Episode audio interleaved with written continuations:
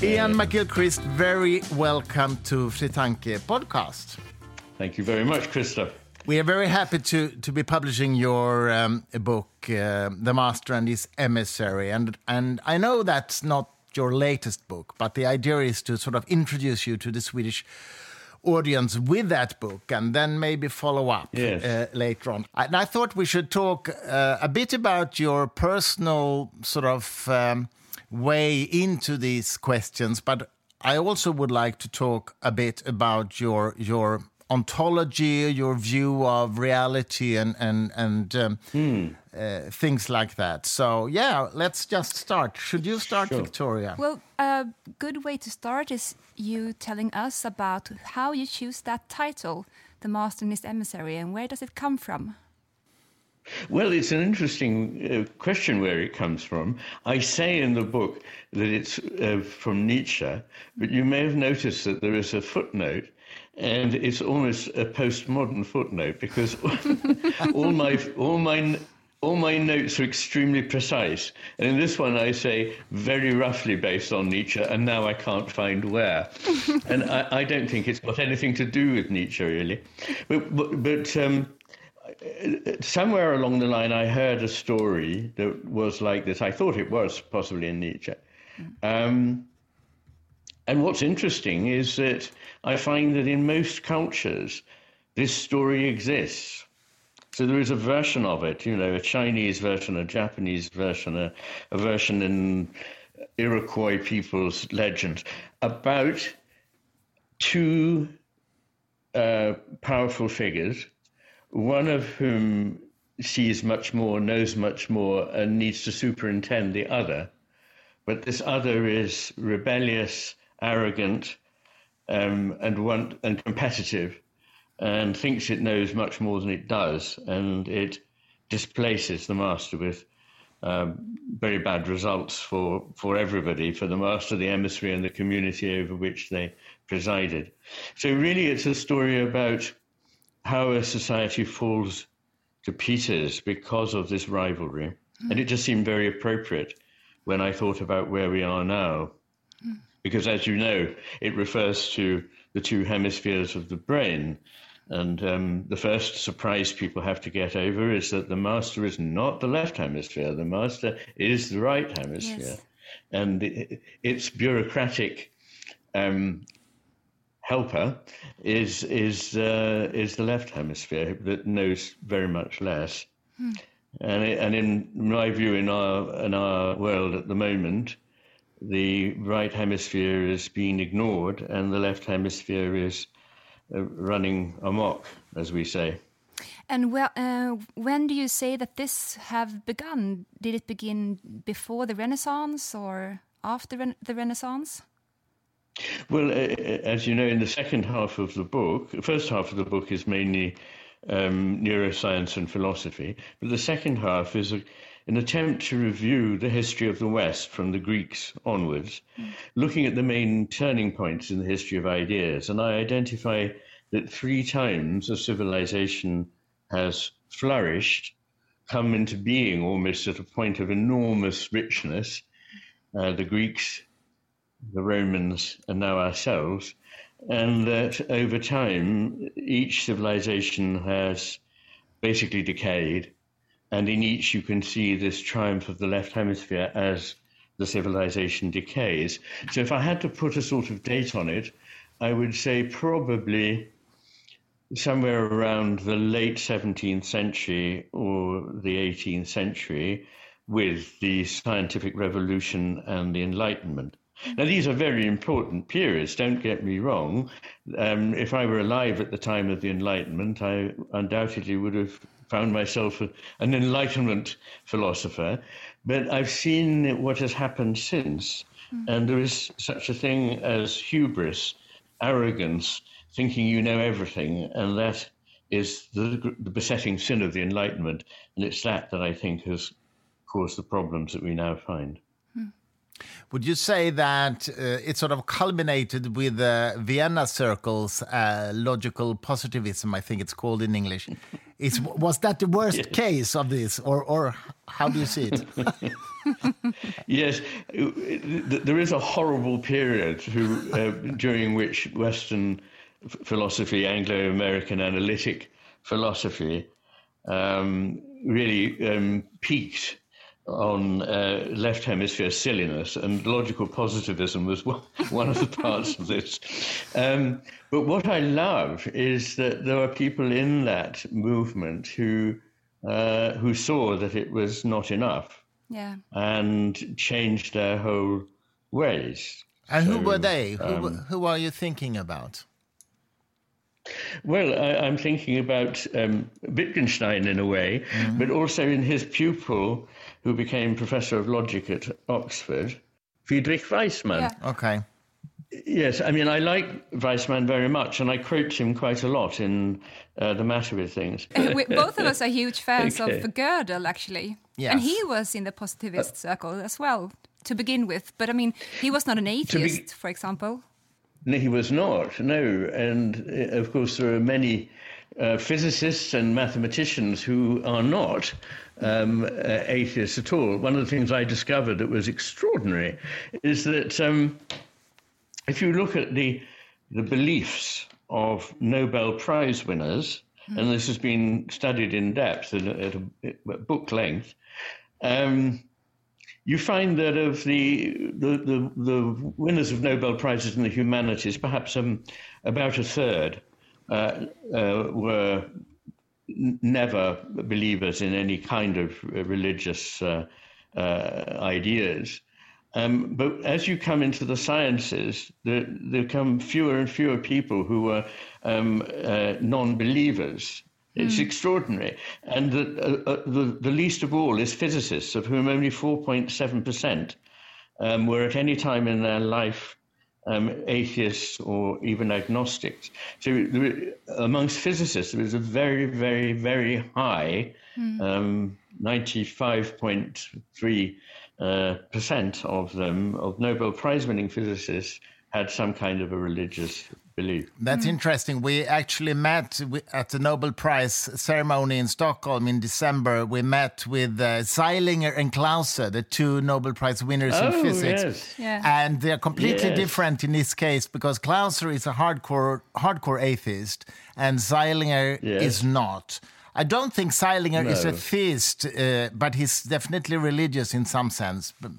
Uh, yes, so yes. They're, they're quite opposite views from, from their re lifelong research in quantum physics. yes, yes. How do and you it's lovely Sorry. that they've been honoured in this way. No, I was just thinking it was very satisfying that they were honoured in this particular way. It was definitely, and Alain Aspect as well. I mean, the three, they yes, really deserved ex exactly. it. Exactly. Um, I'm, i want to get back to you on, on quantum physics, but first, your definition of. I'm interested in your definition of religion, actually, because uh, I heard somewhere that you define yourself as a Taoist. Is that correct? Yes. I mean, I don't define myself as a Taoist, but I am a Taoist. Okay. Um, and and that's not incompatible with being many other things. In in many ways, I'm a Buddhist. Mm. Buddhists um, flock to my to my work, and uh, I, have been often asked to speak to um, Buddhists. Uh, so I share that, but I also was brought up in a in a Christian culture, though my parents were not religious at all. I, I never went to church until I was in my teens. Mm. But um, nonetheless, um, I think I would call myself a very bad Christian. There are aspects of Christianity I don't really uh, like. I think it uh, can be dogmatic, and certainly um, fundamentalist Christians are as bad as fundamentalist anything, including fundamentalist atheists. I think fundamentalism is a problem. Mm. It's the dogma. And you can be dogmatic about religion or dogmatic against religion, but that dogmatic cast of mind is very left hemisphere and is a product of not really being able to think flexibly, imaginatively, to understand the importance of ambiguity, myths, metaphors, narratives, mm. this sort of thing. Yes. But when it comes to Taoism or Buddhism, do you define those traditions as religions or rather as philosophies? I think it's probably more accurate to call them philosophies, yes. Yeah. Um, uh, that, that, what I tend to call them, which is a slightly hackneyed phrase, but um, wisdom traditions. In other words, yeah. they are bodies of wisdom. The trouble with philosophy is that in the West it has rarely been associated with wisdom.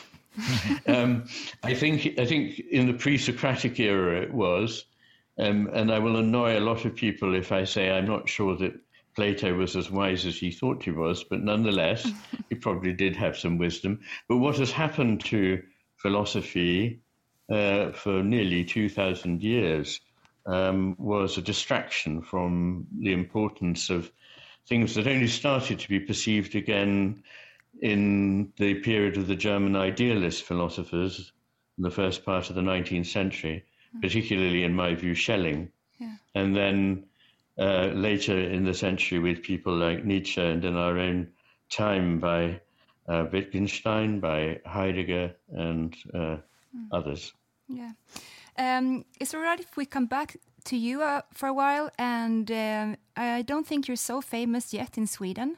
So if you would like to tell us a bit about your story, uh, what, is your education, um, and a bit on onwards from that. yes, okay.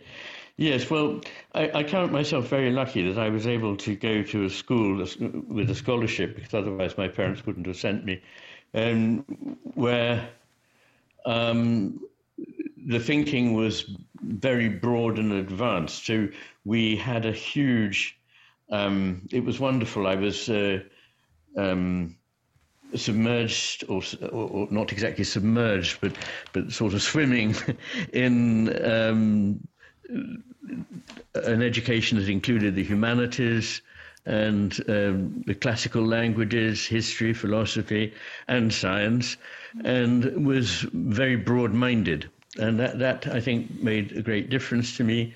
Um, the, the, education was not narrowly geared to passing exams, but to what it should be. In other words, communicating an enthusiasm for thinking for yourself. And um, I, I was going to um, study theology and philosophy because I liked. I've all my life really been interested in philosophy, the big questions since childhood, actually. And in my teens, I thought I saw there were things that just weren't right about philosophy. Like people said, um, that the whole was the same as the sum of the parts. But I, you know, even from the age of 13, I thought this is not right, actually.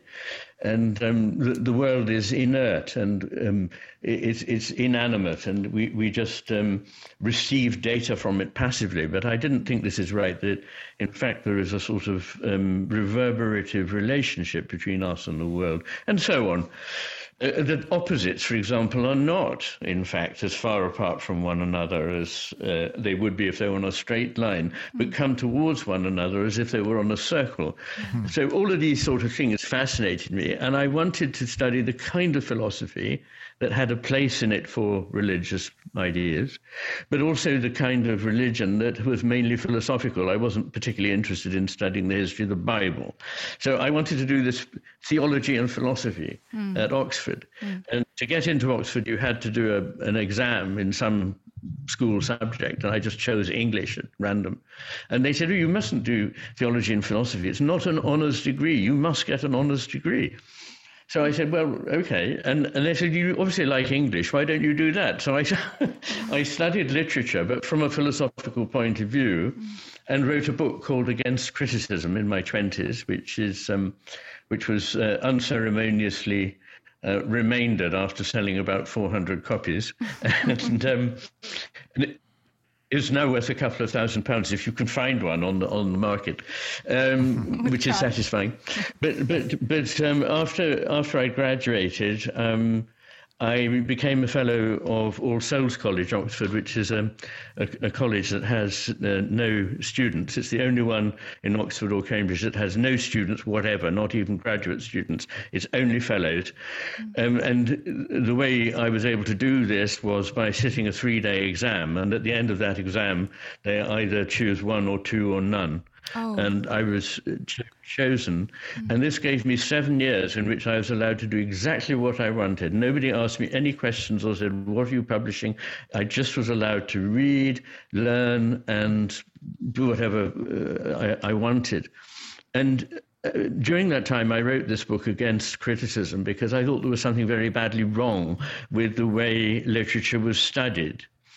Um, not particularly by the teacher or tutor, as we call them, uh, that I had, but generally, so that we took works of literature and we applied grand theories to them. We made them abstract and containers of ideas. And in this process, what had to remain implicit which was subtle and difficult and ambiguous, was made crystal clear mm. and became very banal. You know, mm. you can take some wonderful poem that you can hardly even think of without tears coming to your eyes, and you say, What's it about? Well, what it says is it's very sad when somebody that you love dies. Well, okay, I know that. so, in, in this way, you, you've, you've turned, I call it the un-Midas touch. You know, the Greek King Midas, yes. who, everything he touched turned to gold. Mm. Well, this way of approaching literature made the gold turn to shit. Mm. And so th- this was a very bad idea. And I, th- I thought what the problem is, is that we've disembodied literature, we've abstracted it, we've taken it out of context. And we've made the implicit explicit, and we've lost everything that was unique about it. Yeah. It could be replaced by another general thing that's like it. Can you just ask? And I thought this is about the Sorry. Mm. Uh, uh, does mm. the implicit always get destroyed when you turn it explicit? Is there any way to keep the implicit while still doing what the explicit does? Well, I think there is. Let me make a digression to answer that question. Mm. Um, I mean, in essence, it's rather like explaining a joke. I mean, it's no longer funny once you've explained it. But but there is this process whereby this is something that's very central to my philosophy, but we'd have to jump ahead here. That things that are understood by the right hemisphere can be taken apart, analyzed in this way by the left hemisphere, but then must be reintegrated by the right hemisphere. Mm-hmm. And the easiest image for this is of learning a piece of music. So, say you're a pianist, you love this piece of music, you sit down at the keyboard, you try to play it. See, the thing has appealed to you, spoken to you at the right hemisphere level. But then you discover that you have to go back over certain bars and practice them because the fingering is difficult and, and all of that and you, you, you theorize and you see that, oh, at this point the, we return to the tonic and so on. Now, that's all fine. There's nothing wrong with it. But when you go on stage and perform, you must forget all of that completely. It must no longer be obtruding in your mind.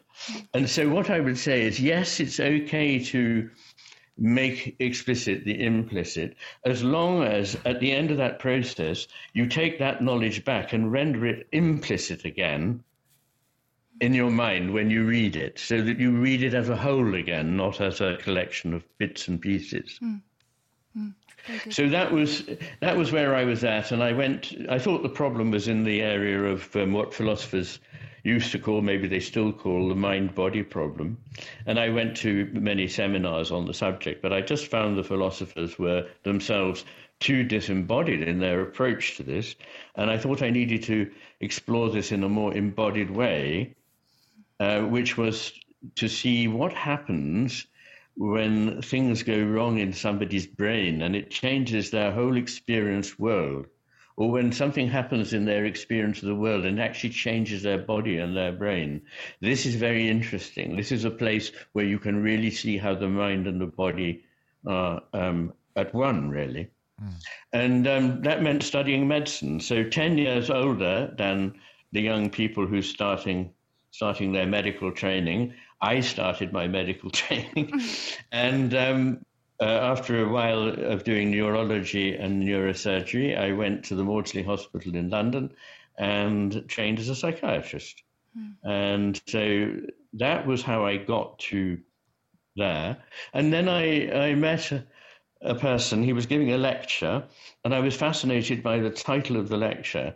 Uh, it was um, the, um, the, the, the, um, the role of the right hemisphere in uh, consciousness. And this was a man called John Cutting. And I'd heard a lot about the left hemisphere, you know, responsible for language. And when you have a stroke, you can't speak, you can't read, you can't use your right hand. Terrible. But I'd heard nothing about the right hemisphere. Almost it was like the right hemisphere didn't really do anything. so I thought I'll go along and hear. And what I learned at that lecture was absolutely fascinating. It was that the right hemisphere understands implicit meaning, metaphors, jokes, tone of voice, um, facial expressions, body language, all the implicit mass of meaning. Where the left hemisphere is very literal minded. The right hemisphere sees everything in its context, whereas the left hemisphere takes it out of its context and puts it in a category. So it's at one blow, it's been disembodied, decontextualized, and made general. It's mm. lost its uniqueness. Mm. And I, I was just thinking, this is extraordinary because this is precisely the set of things that I was trying to express in my earlier book against criticism. And of course, the right hemisphere doesn't have a voice. Our voice comes from the left hemisphere. They both take part in language, but for almost all right handers anyway, language, speech is in the left hemisphere. And so I, I uh, went up to him afterwards and said, That was the most fascinating thing I've ever heard. And I told him about my book, and he said, Can I read it? And then we started researching, or I joined him. He was already researching on hemisphere differences. And then I went later to Johns Hopkins in, which is a big hospital in Baltimore in in, uh, in the U.S. Uh, to do brain imaging on symmetries and asymmetries in the brain, and um, that started me on a 30-year mission. Hmm. But all my colleagues said you mustn't do this because everybody knows that this stuff about hemispheres. It's it's just pop psychology. It's all rubbish. It's been blown out of the water long, long ago. And I thought, no, no, no. There's something very important here. I mean, for one thing, why is the brain divided at all? Since its only purpose is to make connections. Why would you want it to be divided? Why? And all the brains we've looked at in all animals are divided. Why? Um, why would it be asymmetrical? The brain is asymmetrical. The two halves are not symmetrical. And why would the band of fibers that connects the brain, two halves of the brain, called the corpus callosum, why is that so much to do with inhibition?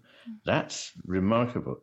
So that set me off on a really interesting philosophical conundrum, which I was able to answer using science. Do you have um, I mean, what is your answer to that question? Why is the brain divided? Because it must have had some kind of evolutionary um, gain to, to be divided. Exactly. And um, as I say, every single creature that has a neural network, even the ancestor of a brain, is asymmetrical. Mm. And uh, Why? I, I believe, and and I, I nobody has um, ever come up with a more um, more satisfactory uh, hypothesis than the one I have, which is that everything that lives has to accomplish two contradictory things. It has to be able to target something very precisely so that it can pick it up quickly, mm. something that it needs to eat, whether that be a, a seed against a background of, of gravel or whether that be a rabbit or whatever it is, it needs to be able to focus on something, target it, and get it very quickly. But if it's paying that very narrow, committed attention, it won't see everything else. And so it won't see predators. It won't see its mates, its conspecific, its young, that it also needs to be watching. And so all creatures have this capacity to divide attention, and that means with two parts of the of the, the, their brain. Mm. One part dedicated to grabbing and getting, and the other to seeing the whole picture. Mm. And uh, I give a sort of soundbite about this that um, the left hemisphere helps us manipulate the world, the right hemisphere helps us understand the world. Mm. Well, mm, uh, I guess you have talked with uh, Simon Baron Cohen uh, on on brain uh, research. Uh, he wrote this book, The Pattern Seekers, for example. Uh, you do you yes. know him, by the way? Do you know him? I, have I've met him, but but I don't know. Okay. I wouldn't say I know him. No. But would you know. would you say that the people he talks about, I mean, on the autism spectrum, do they have sort of an mm. overcapacity in the left uh, hemisphere? Is that how you would interpret it? Well, I suppose it depends very much what you mean by by patterns. You see, because some patterns are systems, mm. and people of this kind can see what I would call uh, gestalten, using the German word. I don't know whether you use the same word yeah. in, in Swedish. Yeah. yeah. Um, and these are different from systematic okay. structures, which are built up mechanistically from the starting point to the next point, and you build up like you build an edifice. Mm. And these systems are me- mechanical and can be predicted. And machines are like this. But organisms are not like machines. They are complex, not just complicated, systems that contain recursive loops that hmm. don't have efficient causes in the way that a machine does. Something pushes it and then it, the chain reaction goes. And, and these organisms are best seen as gestalten. They are wholes which cannot be accounted for mm. by summing the parts. Mm. And so I think the typical person with autism is the pattern seeker who makes systems, builds systems mm. in a somewhat architectural or almost bureaucratic way.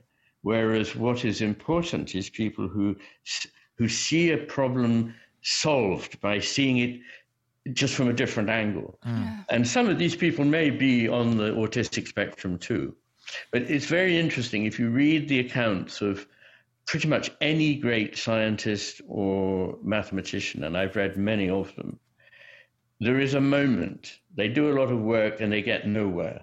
And then there is an aha moment where the penny drops, when they're thinking about something completely different. Mm. There's a famous example of Henri Poincaré, mm. who was working uh, away on, on a particular math problem. And he went into town. And at the very moment that he he'd done his shopping, he put his foot on the step of the bus. The solution uh, came, yeah. came, to him, uh, and it took him a couple of weeks to work out exactly why. Einstein was the same. Einstein said, You know, I have a solution, I don't yet know how to arrive at it. what would you say happens there? What happens in the brain before such a moment happens? well, I think there are different phases to being creative. Um, one is um, the sort of laying down of necessary groundwork. So you won't create out of nothing. You have to be familiar with the territory. And that is routine and can be done consciously, acquiring the, the background information, the skills to work on it. And then you play with things, but you don't find the answer. And the, the moment of illumination comes when you are thinking about something else. And this is because when we think very definitely about a problem, if you think very intensively about a problem, you recruit more and more very um, narrowly focused, concentric neural networks, mainly in the left hemisphere. It's like looking more and more intensely into the center of a spotlight to see what's there. But what you actually need to do is to be able to stand back and stop this process, which is like a like a spasm or a cramp in the mental world, and let go. And when you relax, your right hemisphere, which is much better at pulling things together, mm-hmm. is able to bring together ideas from all over the place, and suddenly they create a new picture. Mm-hmm. And that is the moment that every artist, every scientist, every mathematician lives for. me as a fiction writer, I can feel how work is being done inside of me when I'm not thinking, but I can feel it. And then I just need to um, put on some music and then it comes. It's like I open some kind wow. of a yeah. It's like water pouring over me. So I can feel in the silence wow. something is working, and then music is like um, turning on the switch of a light, and I see everything. Yeah. How marvelous! and you know that Einstein did the same thing. He used to be working on something, then he'd go to the piano and he'd play, and then his daughter describes how he'd suddenly get up and go, "I've got it," and it was through music, playing his violin or just playing on the keyboard.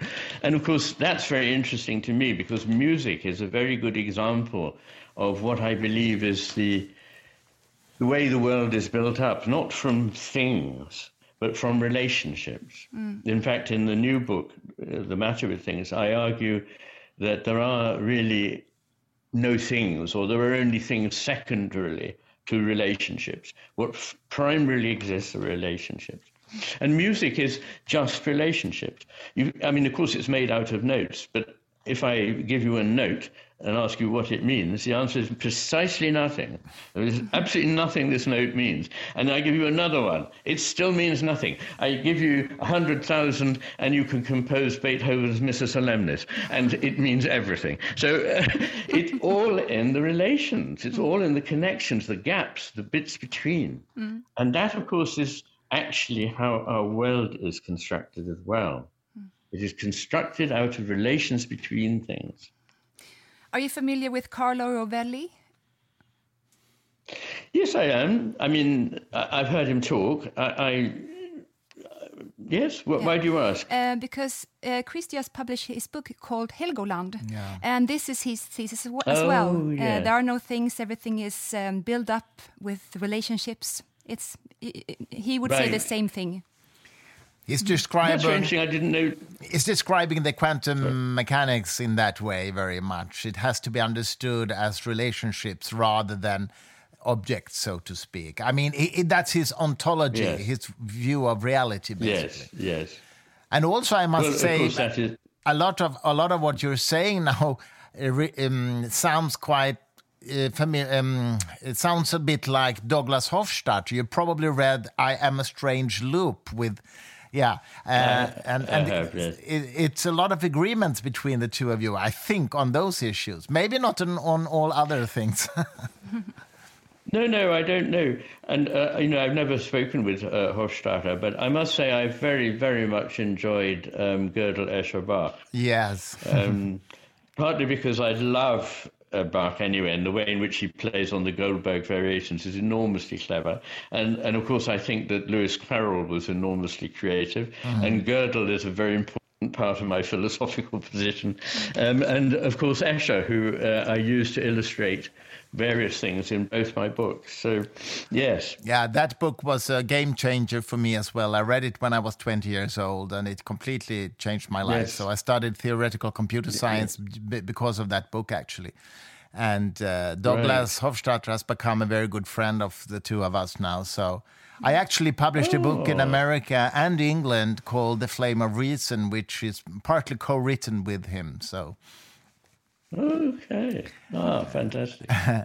um, and but but let me go back to this creative process of uh, scientific geniuses. I know that Gödel also talked about that he more or less in med meditation came up with ideas uh, uh, of his mm. sort of mathematical ontology which was mm. in a way breaking with the Vienna Circle because he he showed that truth and provability is not the same thing. For example, um, exactly. In what sense is Gödel important to your philosophy, as you just mentioned? Well, because he shows that we can never we can never grasp something completely finally mm. that we can't that there is always some aspect that lies beyond what it is that we, that we have achieved in in, in our system building mm. and um, that's part of it i think um, but also this point that truth is not the same as provability mm. and i write about that quite a bit in both books mm. that truth is again a relationship actually it, uh, it, uh, the word, uh, what is the word in, in, in Swedish for truth? Uh, sanning. Sanning. Sanning. Is that, with an N, like, like in so Nicholas. What, what does that? What is what does it mean etymologically?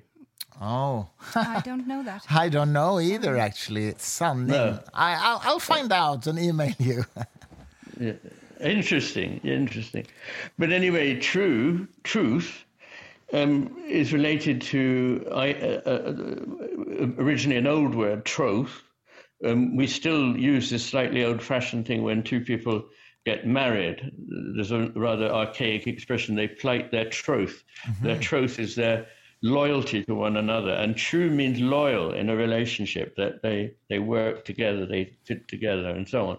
So it's not about provability. And many truths can't be proved. And many things that can be proved are not necessarily true, as Waismann, Friedrich Waismann himself said. can I just say, and uh, this thing about speaking the truth, Dante said that uh, the circle beyond, I think, the ninth circle, that's where the poets are, because poets lie. He wasn't a right hemisphere guy, I suppose, Dante. he probably, probably was, yes. yes. I like that. but let me uh, still test an idea with you and see what you say when it comes to Gödel, because as I see it, Gödel has been very much misused in popular culture, uh, you know, mm. to sort of defend a lot of ideas that maybe is not so. Uh, consistent after all. For example, I've heard people say that Gödel shows that uh, there are phenomena in the universe that we will never uh, be able to understand. And I think that's a wrong conclusion because, first of all, it could be the case that all phenomena in the universe are uh, possible to describe with a provable subset of mathematical theorems, first of all. And secondly, uh, a phenomena in the universe, I mean, if, if an equation like E equals mc squared, for example, if that is true or not, it's not a mathematical issue. It's it's it's a question of whether it corresponds to reality or not. So, uh, do you agree mm. that Gödel mm. is quite quite misunderstood as well by many people? I, I, I do indeed, and of course, um, it would be ludicrous to say that um, there are things that we I, I, mean, there are reasons reasons like the limitations of our human brains, which mean there will be things that we may not be able to understand. Yeah. We don't know what it is we miss. I mean, yeah. the definition, it, it, by definition, you don't know the things you don't know. Yeah. So, um, but on, but on the other hand, that's not what he's saying. And of course, we understand many things. But what is wonderful is that there are conclusions that are true within a, a, system, but it cannot be proved to be true. Yeah, that's right. And it, therefore, therefore, there are things of which we cannot be certain. And one of the problems, I almost wrote a book. In fact, I think that the Against Criticism book might have been at one stage going to be called Against Certainty. Mm-hmm. And I think I've had a lifelong crusade against certainty. I'm a great believer in uncertainty. And of course, the left hemisphere needs certainty because it's a predator. Mm. So, it, I mean, let's get to the point where I, I say, if you if you hear me talk about the hemispheres and you don't know my work, forget everything you've ever heard about them. I say this to your listeners because it's wrong. So mm. it's not true that the left hemisphere is unemotional but reliable, mm. and the right hemisphere is a, a fantasist but emotional both hemispheres deal in emotion, both deal in reason. And when it comes down to it, the left hemisphere is the fantasist, and the right hemisphere is the one that is much more veridical. Mm. So, you know, I'm talking about something quite different. Mm. But one factor, I mean, all the stuff I say is empirically based in studies of patients who have something wrong with one hemisphere or the other and either are studied phenomenologically or report phenomenologically or are scanned or are subjected to various kinds of tests. So it's all based in empirical science. Mm. And one of the th- things is that people who have um, a hypo functioning right hemisphere and therefore more reliant than usual on the left need black and white answers. They need it must be this or it must be that. What do you mean it could be both or it might be a bit of this and a bit of that? So it is very much in need of a simple certainty. Mm. Because as it were, it's looking at something it's got to catch immediately. It's no good going, hmm, is that a rabbit? Uh, I think it's probably a rabbit, but uh, so it's got to go rabbit. You know, twenty percent a rabbit. That, so, 20% a rabbit. But of course, as you know, Wittgenstein has this wonderful image, which is borrowed from a children's yeah. uh, magazine in the late 19th century, of the duck rabbit. Is it a duck or is it a rabbit? yeah, yeah, yeah. True. Depending on how you look at it. Yeah. So, yeah. And where were we? What were we talking no, about? but, but what do you want I want about? to go on on this. Uh, on this, uh, Okay. I, would like to ask you maybe a meta question in this uh, in this respect. Would you say that sort of modern um, neuroscience and neurophilosophy is confirming your ideas during the last ten or twenty years since you since? Sin, or, or longer since you sort of started to formulate your ideas. Is, is the science confirming what you're saying, or is it moving away to a more positivistic view of the brain? Or logical, new, whatever you want to call it. Well, the, there are two aspects to that. One seems to be that you're asking me about whether science is moving away from a reductionist, mat- wholly Yeah. materialist. Yeah, that's what I'm vision. asking, actually. The other is okay. Concerning the brain, question. concerning the brain science. Yes. Well, the great thing is that it's been clear, hasn't it, for at least 100 years in physics that the reductionist mechanistic vision is not satisfactory. Um, so w- w- physicists moved on from this mid Victorian um, hydraulic mechanistic idea um, a hundred years ago. And curiously, um, the science scientists of life, the biologists, have stuck to it. Well, the scientists who deal with inanimate matter have shown that actually no piece of matter can be separated from consciousness. There are, there are, believe it or not, tenured professors holding jobs, um, no doubt lavishly paid in Western universities, who say there is no such thing as consciousness. Well, this is hilarious. I mean, if it's an if it's an illusion, it's got to be an illusion in consciousness. You've got to have consciousness to have an illusion. Yes. So Yes. anyway, uh, so so uh, I do think that now um, biology is moving away from this. There are a lot of signs that one of the things that was a catalyst for this was the decoding of the, the genome. And in the early 19th century, along with the physicists, there were a, a whole lot of very, very interesting and intelligent biologists who were beginning to see how they, like the physicists, needed to move to an organic and a non mechanistic idea of relationships between mind and matter and uh, life and looking at life in general. But then along came molecular um, biology and genetics, and suddenly everything went very mechanistic again. It was almost like back to Descartes.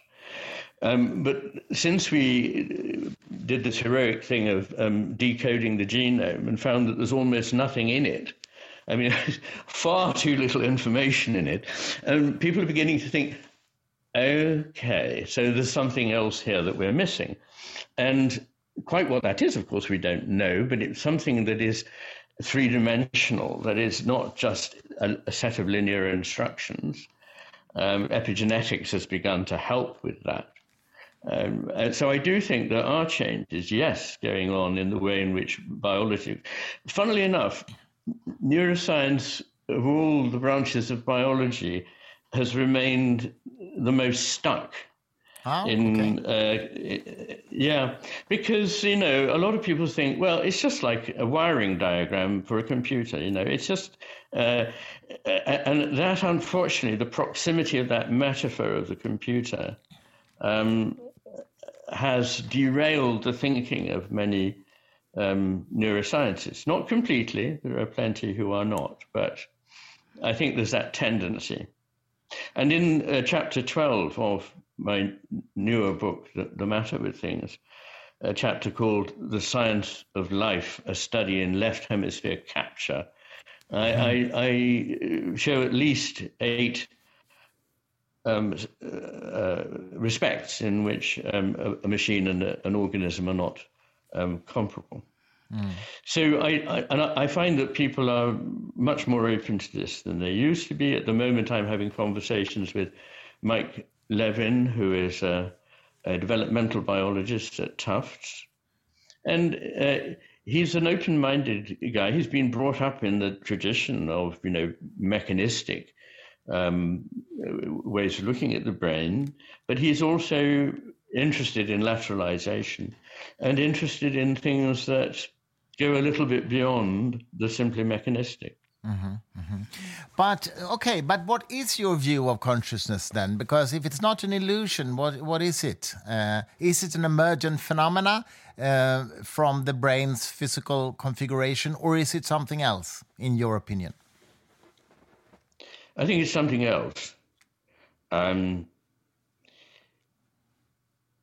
the one thing that we can be certain of, which is why it's so hilarious that you have people who deny consciousness, the one and only thing we can be certain of, and uh, in this Descartes was right, that we have consciousness. Hmm. I mean, it's the, it's the one thing. Everything else, we don't really know for sure, but at least we know we've got consciousness. Um, and we know that matter is something that we come to be aware of because of consciousness. But we don't know that consciousness is something we're aware of because of matter. It might be, it might not be. And my guess is that it is not because the idea that you can sort of incrementally approach consciousness and have just a tiny bit of it um, it, it, it is, you know, as William James pointed out, once you cross the divide to consciousness, you've taken a step. And you, people say, well, there's kind of nascent consciousness. You know, there's almost consciousness. But that's wrong. There is a complete divide between consciousness and I mean, there may be different degrees of consciousness. I'm not saying that all consciousness is the same, and the consciousness of a plant is like the consciousness of a a dog or the consciousness of a human being. But I believe they're all conscious. In fact, I believe consciousness is what the cosmos is made of. And in this, I'm quite in a tradition of many um, 20th century physicists and also in the same tradition as most of the great um, philosophical wisdom traditions of the East. Mm. Consciousness is the primary element. And I, I hold matter to be not somehow alien to consciousness, but to be an aspect of consciousness.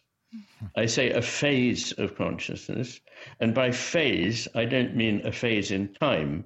I mean a phase in the sense that uh, chemists say that water has phases. In one of its phases, it is translucent and flowing. In another, it is solid and white and very, very cold and mm. doesn't flow. Uh, and in another, it's in the air around you and you can't see it, you can't tell it's there, but it's keeping you alive. So water has phases, and I think consciousness has phases, and one of its phases is matter.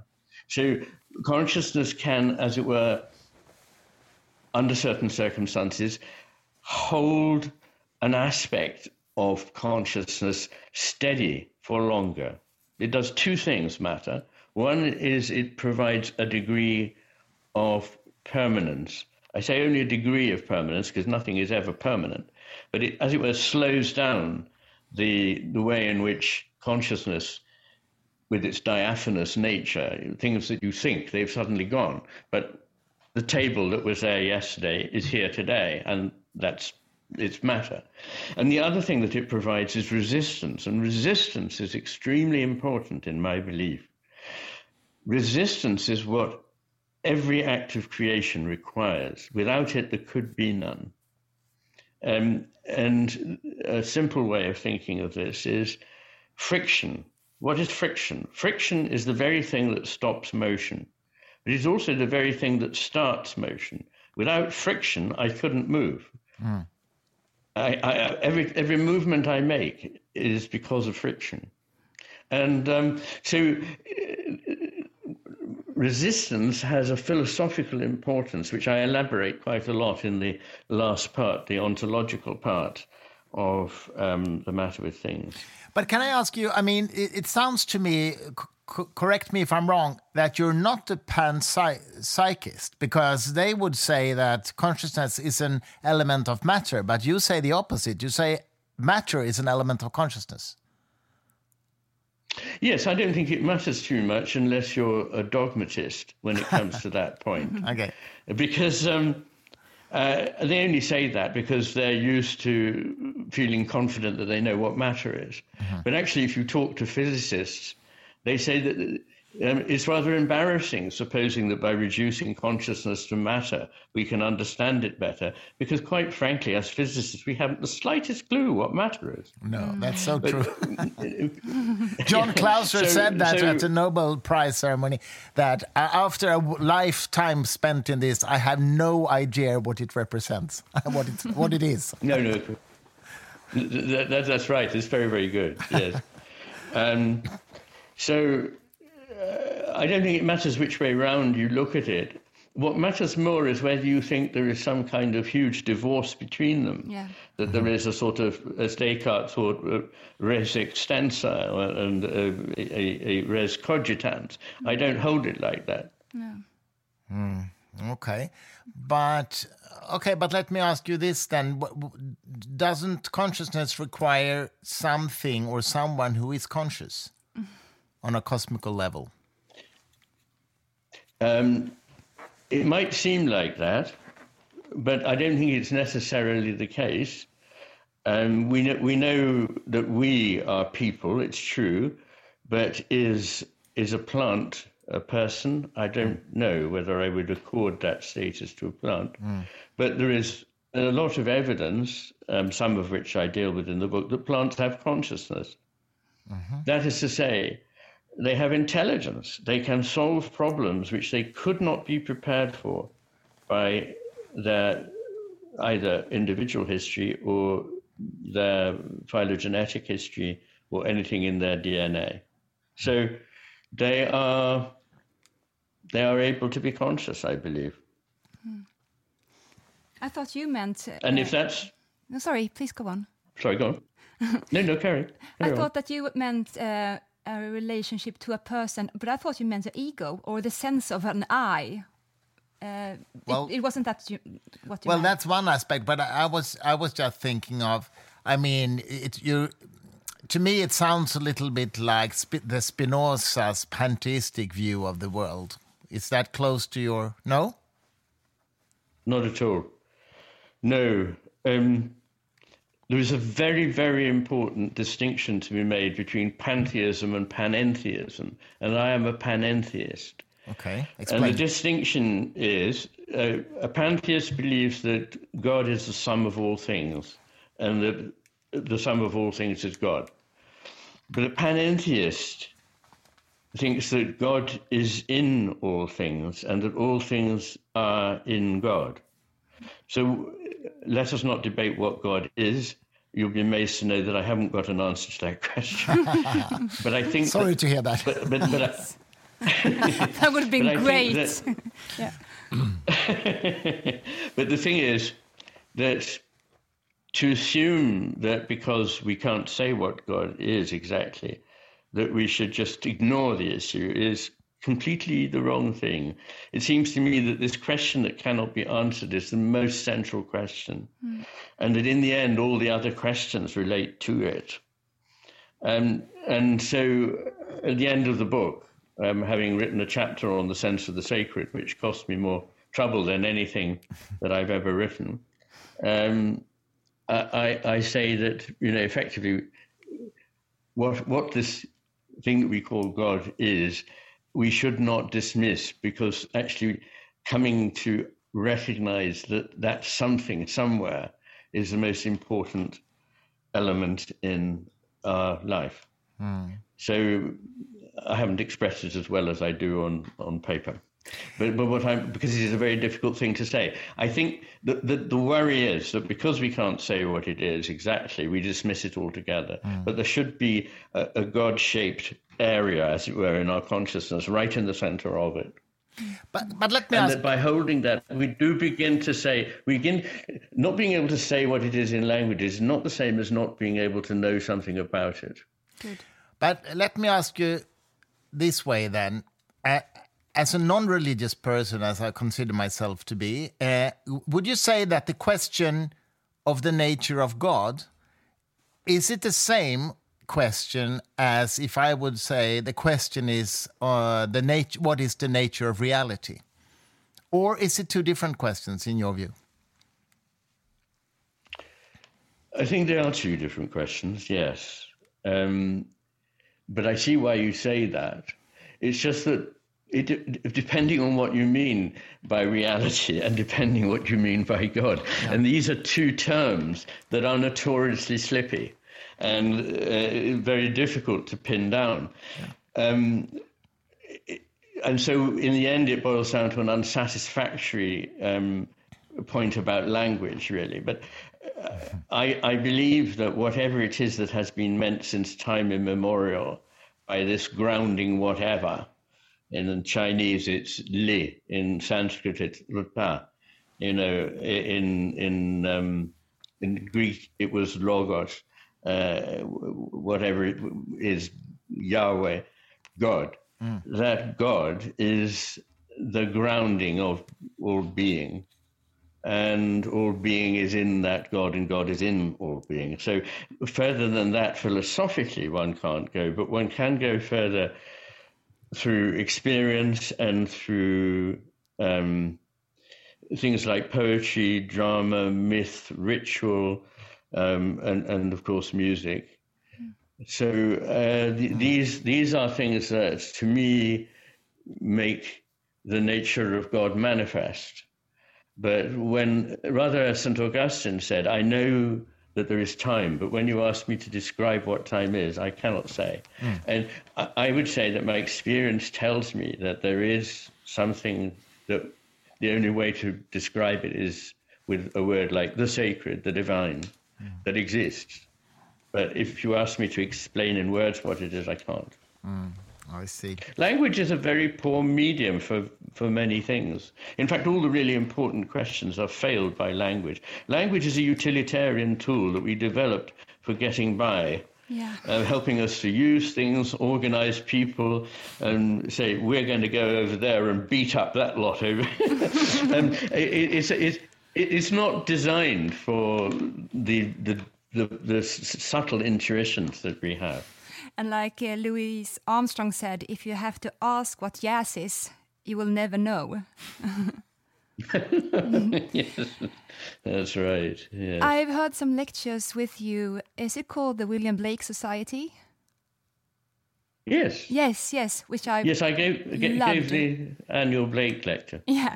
Would, ah, yes. I love them. Would you tell us something about your relationship to Blake? Well, yes. Um, he's a fascinating man.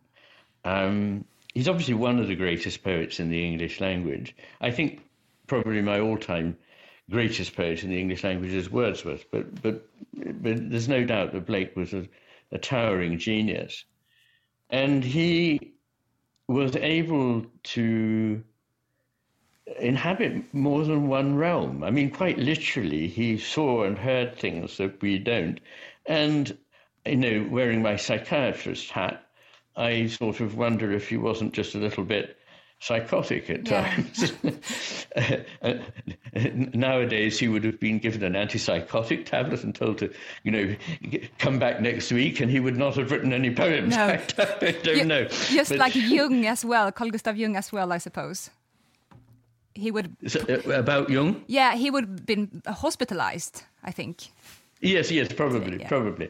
But uh, what I'm not saying, however, is that you have to be mad to be creative, or that um, all the stuff that's produced by people who are mentally ill is, is creative. Very little of it is, but sometimes it is, and sometimes that is part of the, the illness.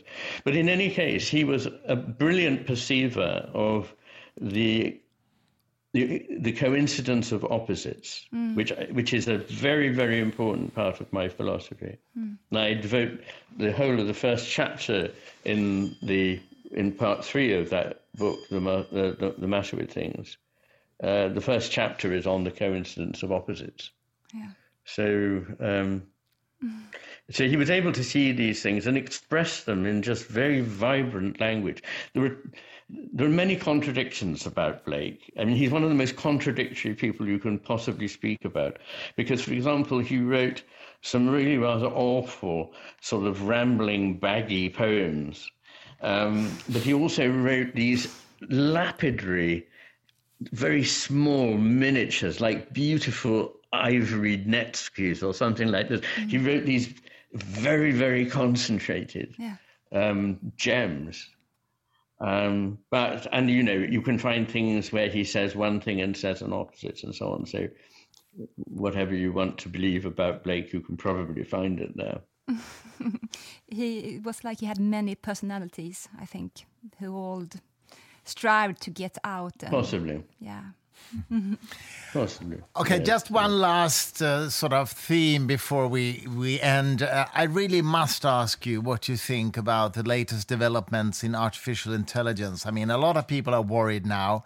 Are you worried? Uh, mm. Are you worried they can develop consciousness, or do you not think that consciousness will go into the machines? I, I, am not sure about that, but in some ways, I think it's the least important worry. There are mm-hmm. many worries, um, but um, whether a, a, net of this kind could be uh, conscious, um, I don't hold it impossible at all. Mm. Um, w- what I do worry about is the the debasing of truth um, the capacity for um, lies effectively to be committed, to be propagated, mm. and for people to place far too much trust in AI. One also needs to remember that AI reaches everywhere from the sort of things that we have to interact with if we go online in order to do a bank transaction. Mm-hmm. And these very sexy things that are going on in California where they're developing chatbots and so on. Um, and uh, for most of us, most of the time, what AI is, is something that is enormously frustrating, enormously diminishing of what is human, and very, very unintelligent. I say AI is, is quite wrong to call it artificial intelligence. It's artificial information processing. Mm. And that is what it can do very, very fast, but it has no intelligence. Mm. And it makes up stuff on the principle that this looks like it's a good fit here. Yeah. Exactly. Um, Statistics. Have, yeah. have, you tried? It, have you tried literally? It? Have you tried that well, Chat GPT four?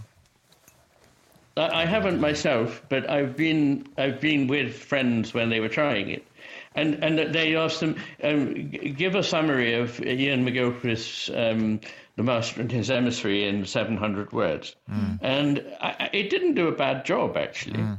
Um, but I also know that it, if you ask it to re, re, re, uh, to give the life of somebody, it will make up facts. It will make up dates. Exactly. That, just that, because it's so fascinating. yeah, yeah. I tried it myself the other day and asked about myself, and it made a very good presentation.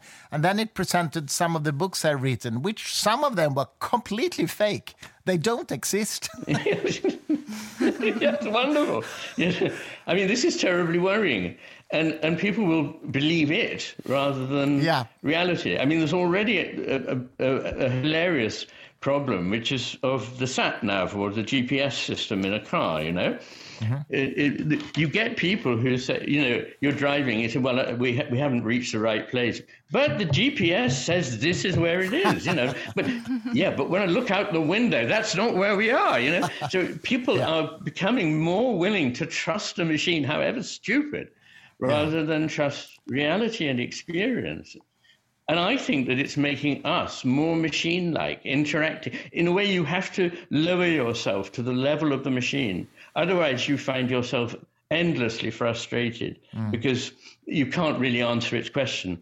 And indeed, I had the experience of giving a lecture for Oxford University um, last year. And I was very pleased that I didn't expect to be paid, but they wanted to pay me quite nicely.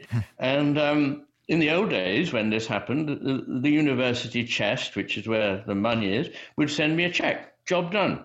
Now, I had to go online and fill in a questionnaire, and in it, it, he wanted to know what it was I had done.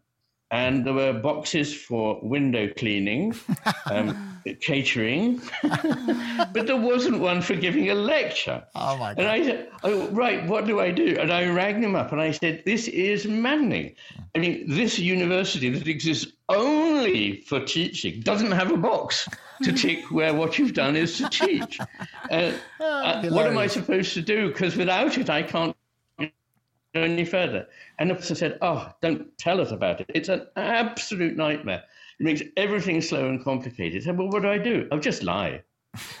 so, I mean, even they say, just lie, take any old box. It, you know, so this is the kind of rubbish that we waste our time in. And I find now that everyone is saying, I don't have any time anymore.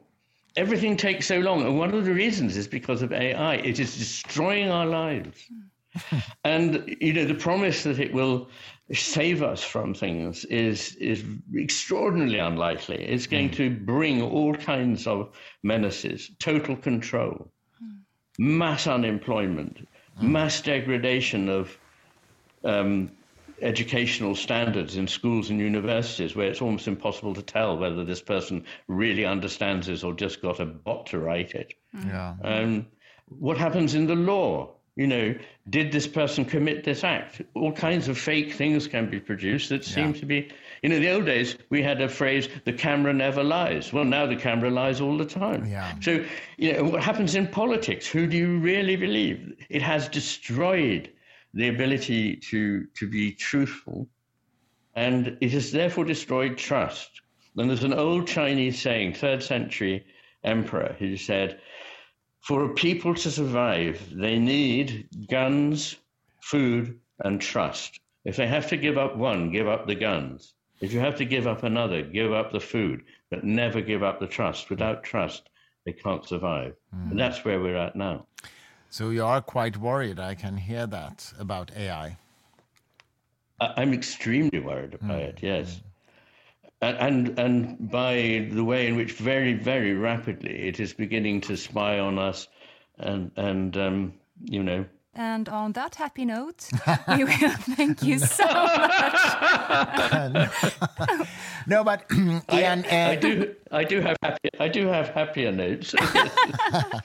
no, but this was an extremely interesting conversation, and you know, Iain, your book will be published in Sweden in in I think September or something like that in the autumn. Okay. Uh, Good. It would be wonderful to invite you to Stockholm to come here and give a speech if that uh, would be possible. Uh, but we can, of course, talk about that later on. But it would be great to, to have you here. Thank you. Thank you so much yes. for being in our podcast. Thank you. Thank, thank you for inviting me along. And uh, I wish we'd had more time. There are so many things to talk about.